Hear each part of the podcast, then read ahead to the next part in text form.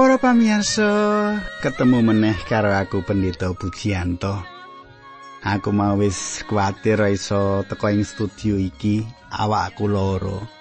Meh pirang-pirang jam aku turu wae. Awakku ora kepenak iki ana apa. Ojo aku kangen karo panjenengan ngono semoh ketemu. nah, katangku aku pendeta pujianto matur nuwun panjenengan ndongaake aku terus supaya aku iso ketemu karo panjenengan. lan kaya padatan aku bakal bebarengan karo panjenengan ana ing adicara margi utami. Pangajapku muga panjenengan tansah kinanti naning Gusti Lubering Rahayu tinebihna ing sambikala. Nah kadangku sugeng midhangetake adicara iki.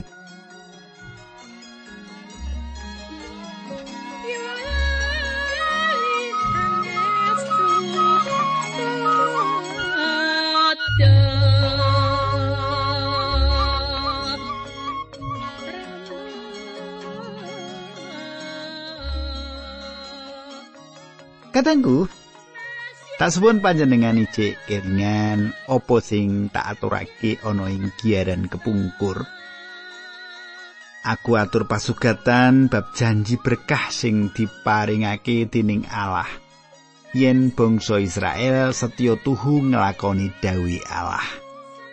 Ora mamung bangsa Israel wae nanging panjenengan lan aku menawa setya tuhu nglakoni dawi Allah. Kita uga bakal keparingan berkah. Nanging yen bangsa Israel ora netepi, kita ora netepi kewajiban marang Allah bakal nampa paukuman sing imbang karo pembangkangane karo panerai. Nanging sadurunge tak teruske panjenengan tak derekake ndedonga dhisik. Aku ngaturake salam dhisik ya. Kanggo Bapak Riyadi. Wah, Bapak Riyadi, matur nuwun teleponipun. Bapak Suparjo, matur nuwun seratipun. Nggih, Bapak Parjo kula sampun sowan panjenengan. Ah, rupane panjenengan iki wong apik tenan. Nggih, Pak Riyadi uga ngono nggih. Nah, kata kula monggo kita ndedonga sesarengan.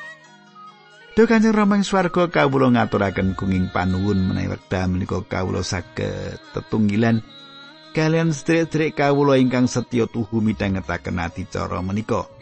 Kawula pasrahaken wonten ing asta paduka supados adicara menika saestu dados berkah.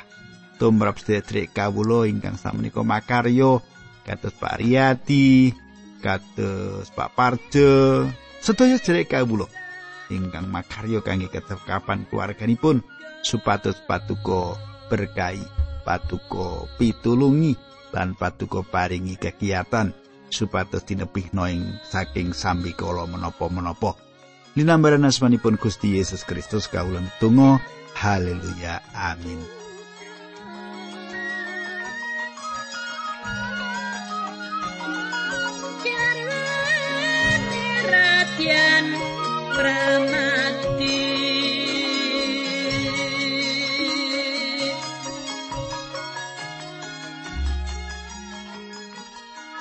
Para pamirsa, ing andaran sing pungkasan saka kitab Kaimaman, bakal kita wiwiti saka ayat siji lan loro.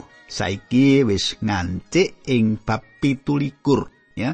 Kitab Kaimaman bab 17 nek panjenengan wis nyawisake kitab suci becik menawa dibuka.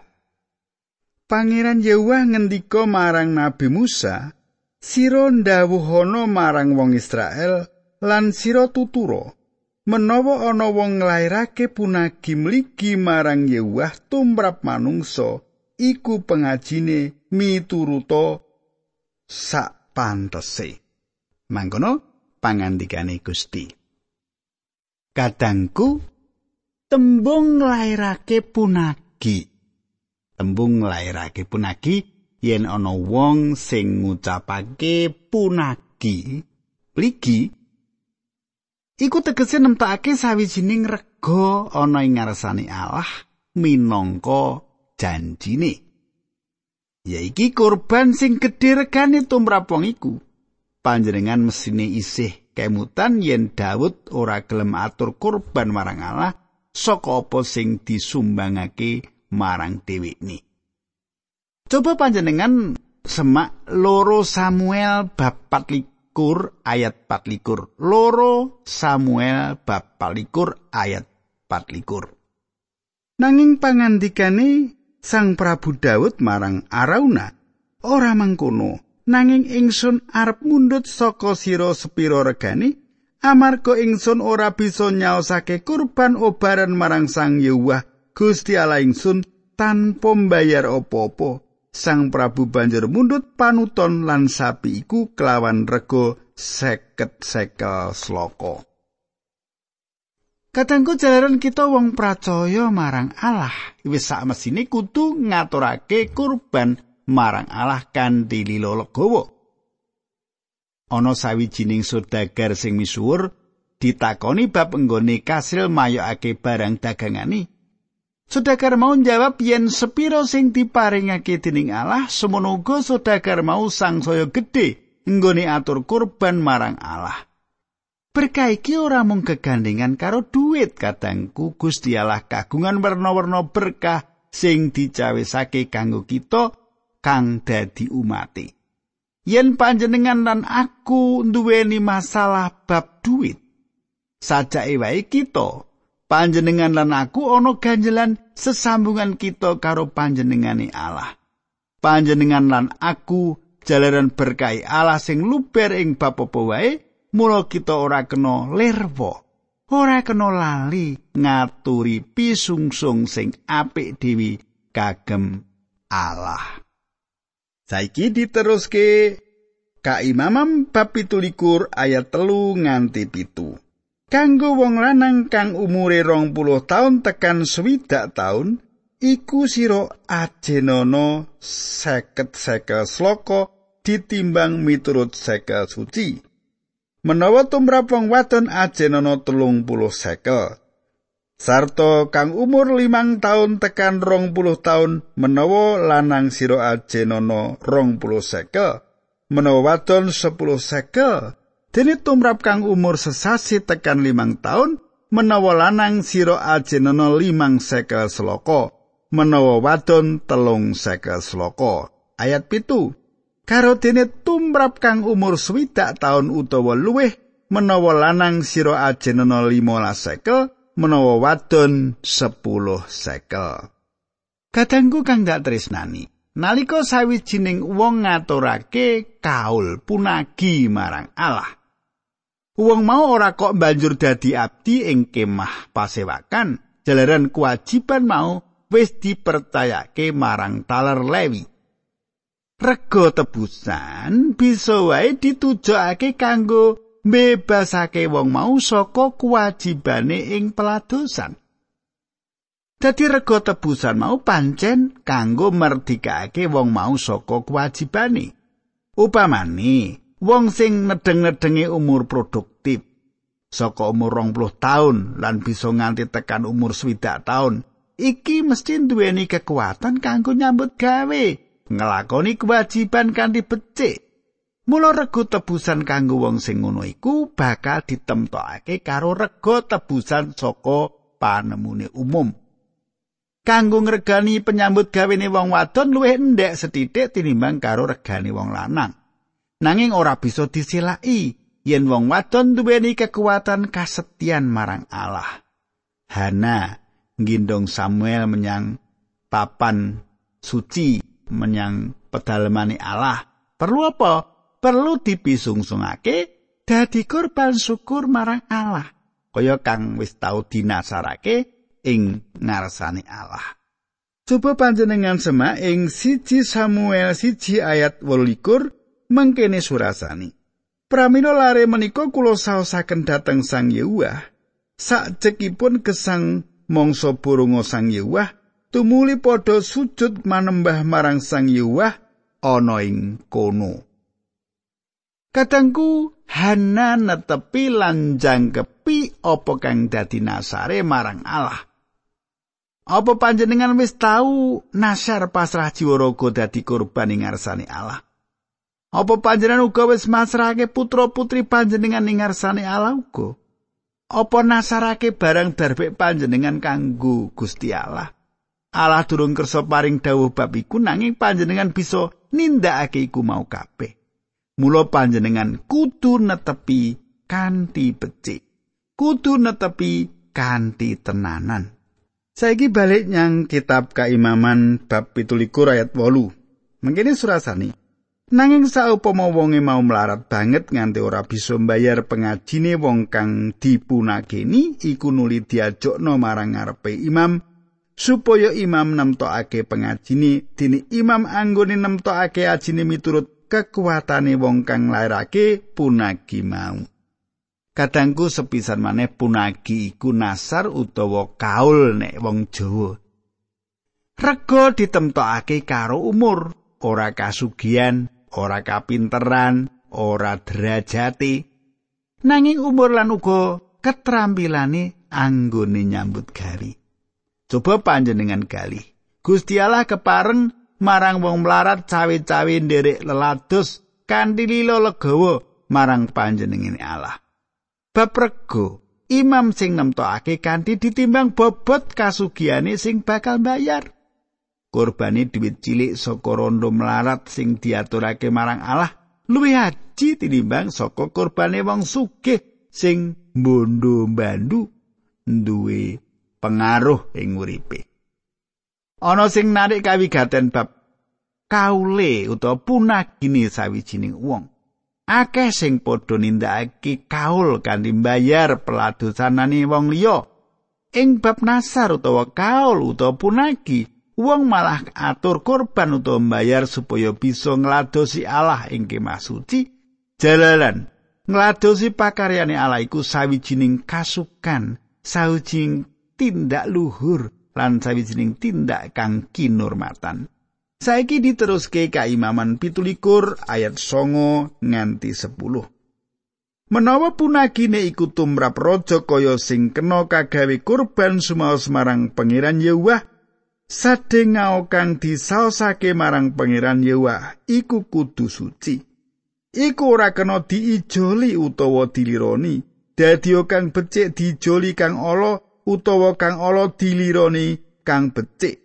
Ewa semono menawa kewan dijoli kewan liyane kang dijoli lan kang kalirokake kudu suci. Katangku kang dak tresnani, Gusti Allah ngersakake apa sing kita prastiake marang Gusti Allah ora diganti karo liyane. Yen janji A kunjuk Allah kudu A sing diaturake. Ananias lan Sapira dipatrapi paukuman. Jalaran apa? jalaran dheweke ora netepi janji kang wis diprastiakake marang Allah. Dheweke duwe punaki, dheweke duwe kaul kanggo Gusti Allah. Nanging pungune ndang wis dadi dhuwit. eman eman. Maune Ananias lan Sapira arep nyaosake dhuwit regane paleman sing arep didol. Ya ta? nanging dhuwit sing diaturake ora padha karo payune lemah mau. Katengku, sak benere wong loro iku ora susah ngaturake kabeh pepayone. Malah Rasul Petrus wis kandha yen dhuwit nggone dodol paleman mau sak wutuhe duweke Ananias lan Sapira. Arep kanggo apa wae sumarah marang wong loro iku.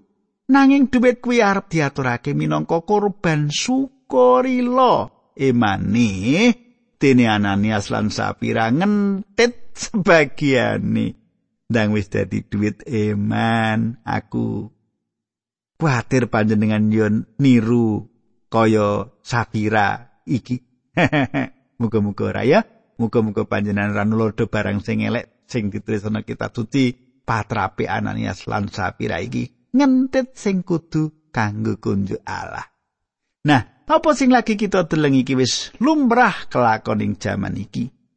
Gusti Allah tansah emut marang janji sarta punagi kita marang panjenengani. Mulayan kita ora ngleksanani, kita isih duweni urusan karo Gusti Allah. Saiki ndak terusake ka imaman pitulikur ayat 11 nganti telulas. Mungkin surasani. menawa iku kewan kang karam kang ora kena kagawe saos kurban marang pangeran Yewah kewan iku diajokno marang ngarepe imam banjur direganono dening imam mawa-mawa ala becike dene sepira putusane imam iya tetep semono lan menawa kewan mau arep ditebus pengajine mau ditambah ana sak prolimani Katanggu kang dak tresnani kewan karang sing tinggo kurban kaul kurban punagi ora bisa dadi kewan kurban sing diaturake marang Gusti Allah. Imam arep netepi rega kewan mau ora kena dinyang lan wong iku arep bayar regane ditambah sak pro limo ni mau. Tambah niki kaya dini dendo jalaran ngaturake kurban kewan sing dikaramake. Saiki ayat 14 teko 15.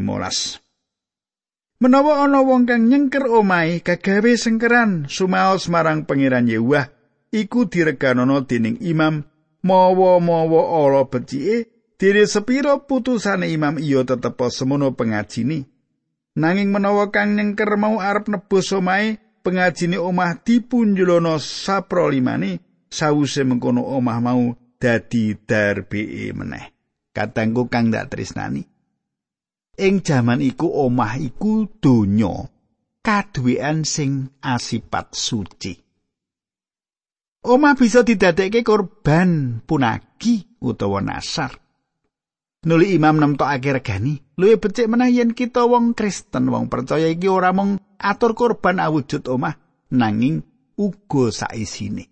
Tegese bale wismo anak Lan apa wae kaduwean kita iki disaosake ing ngarsane Allah ben dadi kagungane Allah. Supaya apa? Supaya dadi keluarga sing dadi seksine Gusti Yesus. Yen durung bisa bayar regane omah ditambah sak prolimane, wong mau kudu nyewa marang Allah. Yen wis bisa nebus pambayare, kudu tetep regane omah ditambah sak prolimane. Katangku ana sawijining wong lanang Kristen sing kanthi punagini nasari kauli masrahake omahe marang Allah.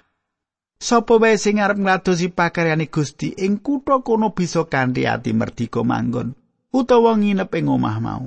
Yen wong lanang mau tetep manggon ing omah iku kudu ngaturake dhuwit sewan kanggo jangkepi kauli. Yen wong kita ngaturake kaul, punagi kanthi lilo legawa marang Allah. kudune kita netepi kabeh sing kita ucapake marang Gusti Allah mau lan netepi kewajiban marang apa wae sing dadi kagungane Allah. Coba saiki kita semak kaimaman pitulikur ayat 16 nganti ayat selawi. Ayat 16 nganti ayat selawi mengkene surasani. Menawa ana wong kang nyengker saperangane palemahane sumaos marang pangeran Yehuwah iku pengajine kudu cunduk karo wiji kang disebar yaiku wiji sair sak gomer kang disebar direnggo ana ing seket-seket saloko. Menawa anggone nyengker palemane mau wiwit ing taun Yobel pengajine tetep semono. Nanging menawa anggone nyengker mau sawuse taun Yobel imam anggone ngitung pengajine mituruto kae taun kang kari tekan ing taun Yobel candai lan iku kanggo nyudo pengajine. Ana dene menawa kang ningker palemane iku nyoto-nyoto arep nebus wong mau kudu mbayar dhuwit pangajine dipunjulono sak prolimane sawise mengkono bali dadi darbe meneh. Nanging menawa palemahane mau ora ditebus utawa malah wis didol marang wong liya iku ora kena ditebus meneh. Nanging sauwale ing taun Yobel palemahan iku dadi suci tumrap pangeran Yehuwah kaya dene tanah bengkasan iku imam kang mesti ndarbeni ana dene menawa kang disengker sumaos marang pengiran yewa iku palemahan mentas oleh tuku lan ora kagolong paleman duwe edek biyen imam anggone ngregani ngetungo nganti tekan taun yobel ing dina iku uga wong mau nyaosno dhuwit pengajine iku minangka pisungsung suci sumaos marang pengiran Yewah ing taun Yobel paleman mau kudu bali marang kang ditukoni dhisik yaiku wong kang sekawit ndarbani paleman mau. Sakaira regan iku mituruta saka suci kang sasekele bobote rong puluh gira. Kadangku ayat-ayat iki ngandut aturan-aturan sing rumit banget. Paleman bisa dikurbanake kagem Allah, mongko paleman ing bumi iki kabeh kagungane Allah piyambak. Saben paleman diaji kanthi rego sing dihasilake lamun ditanduri gandum. Lan uga ana gandeng cenenge karo tanjobil sing arep teka ing taun nyobil kabeh paleman kudu bali marang sing duwe. Yen ana wong arep misusungake lemah ing taun arep tekane yobil, iku bisa dideleng sepira murai atine katur ing ngarsane Allah. ala pirsa banget panglocitani utawa motivasini pamriye angkae manungsa saiki coba panjenengan katakake ayat 6 nganti 17 ana dene munggo pambarepe raja-raja kang pancen wis dadi hae Yewah saka ing antarané kewan-kewan. Iku ora kena disengker dening sapa wae. Dadi sapi dadi wedhus gembel utawa wedhus biro iku padha kagungane Yewah Nanging menawa iku kewan kang karam iku ditebusa miturut pengajini nganggo dipunjuli sak prolimane lan menawa ora ditebus iku diedola miturut pengajini. Kadangku coba persanono, kabeh ana mbarepe manungsa utawa kewan ora bisa dicaosake kanggo kurban. Jalaran apa? Jalaran kabeh sing mbarep iku wis pancen kagungane Allah. Iki sing kudu ditindakake dening umat Allah. ayat 12 nganti 29. Balik munggo samubarang kang dimligekake dening sawijining wong sumaos marang Yahweh saka saperangane darpe dadi manungsa dadi raja kaya utawa palemane iku ora kena didol lan iya ora kena ditebus marga samubarang kang wis dimligekake iku suci pinunjul kagem sang Yahweh ayat 29 Saben wong kang dimligekake bakal katumpes iku ora kena ditebus mesti dihukum pati. Katengku apa sing dipisungsungake katur Allah ora bisa meneh kanggo kurban sawijining punagi utawa kaul. Ing buku Yosua dikandhake yen Yeriko dikurbanake kagem Allah supaya diejur-ejur. Jalaran akan nyupuk barang sing kudu disirnakake, nuli akan uga diremuk. Coba persanono Yosua pasal 6 lan 7. Ki kaima maneh ayo ayat telung puluh nganti telung puluh papat Mangkono uga sakae pisungsung prosepuluhan saka pametune paleman dadi kang disebar ing lemah utawa saka pametune kitri iku kagungane pangeran Yewah iku pisungsung suci kagem pangeran Yewah Ewa dene menawa ana kang arep nebus pisungsunge pra sepuluhan iku dipunjurono sak prolimani. Munggo sakai pisungsung prasepuluhan saka sapi lan wedhus iku, saka sakai kewan kang liwat ing sangisore tekene pangon nalika diitung, iku sak prasepuluh dadi pisungsung suci kagem pangeran Yehuwa. Ayat 33. Ora kena dipilih ndi kang becik utawa ndi kang ala, ya ora kena dijoli. Ewa dene sapa maksa dijoli? Kewan kang dijoli lan kang dijolake iku kabeh dadi sengkerane ora kena ditebus. ayat 34. Iku mau pepakon-pepakon kang didhawuhake dening pengiran Yewah marang Nabi Musa ing Gunung Sinai tumrap wong Israel. Katangku, ayat iki minangka panutupane kitab kaimaman lan uga atur simpul kawusanane. Ing ayat iki uga njelasake yen pasal 17 iki dudu pasal tambahan karyane Allah lan olah akali manungsa sing wening sing kabeh ana payungi hukum Torat mesine kita manungsa kudu atur panuwun marang Allah krana siye sing nuntun kita kanthi angger-angger lan hukumi. Saiki panjenengan semak Titus pasal loro ayat 11 nganti 14 aku nggunakake basa pedinan iki ya. Awit Gusti Allah wis ngetingalake sih rahmate kanggo keselamatane manungsa kabeh. Sih rahmate mau mer di kita supaya kita padha urip ninggal patrape wong sing ora wanuh karo Gusti Allah sing nuruti marang hawa nepsu kadonyan sajroning urip ing donya iki kita padha bisa ngendhaleni nepsu kita dhewe padha sing jujur lan ngabekti marang Gusti Allah. Saiki kita lagi padha nganti-anti tekani dina sing dadi pengarep-arep ya kuwi dina kebabaring kamulyane Allah kang Maha Agung lan Sang Juru Slamet Gusti Yesus Kristus. Panjenengan iku wis masrahake sarirane kanggo kita, ya iku kanggo nyelametake kita saka saking piolo lan dadekake kita dadi kagungane piyambak umat sing suci sing kasengsem marang pengawe becik. Sumitraku wis purna anggon kita ngekirit buku kaimaman saka pasal siji nganti pitu likur. Saiki kita ndedonga. Duh Kanjeng Rama, kawula ngaturaken kuing panuwun menawi wekdal menika kawula saged sinau kitab kaimaman lan samenika sampun paripurna. Kawula nyuwun menapa ingkang kawula ndherekaken menika dados tambahing kawruh karohanen kangginipun sedherek kawula menika. Dinambaran asmanipun Gusti kawula Yesus Kristus kawula tunggu amin. Katengku Kanthi nyinau isine kaimaman muga panjenengan sak brayat kaberkahan lan ngundak-undake kasetyan panjenengan marang Allah ing sakjroning Yesus Kristus Gusti kita. Panjenengan ndak anti ing adicara candhake ya, mesine ing kitab suci sing liyane.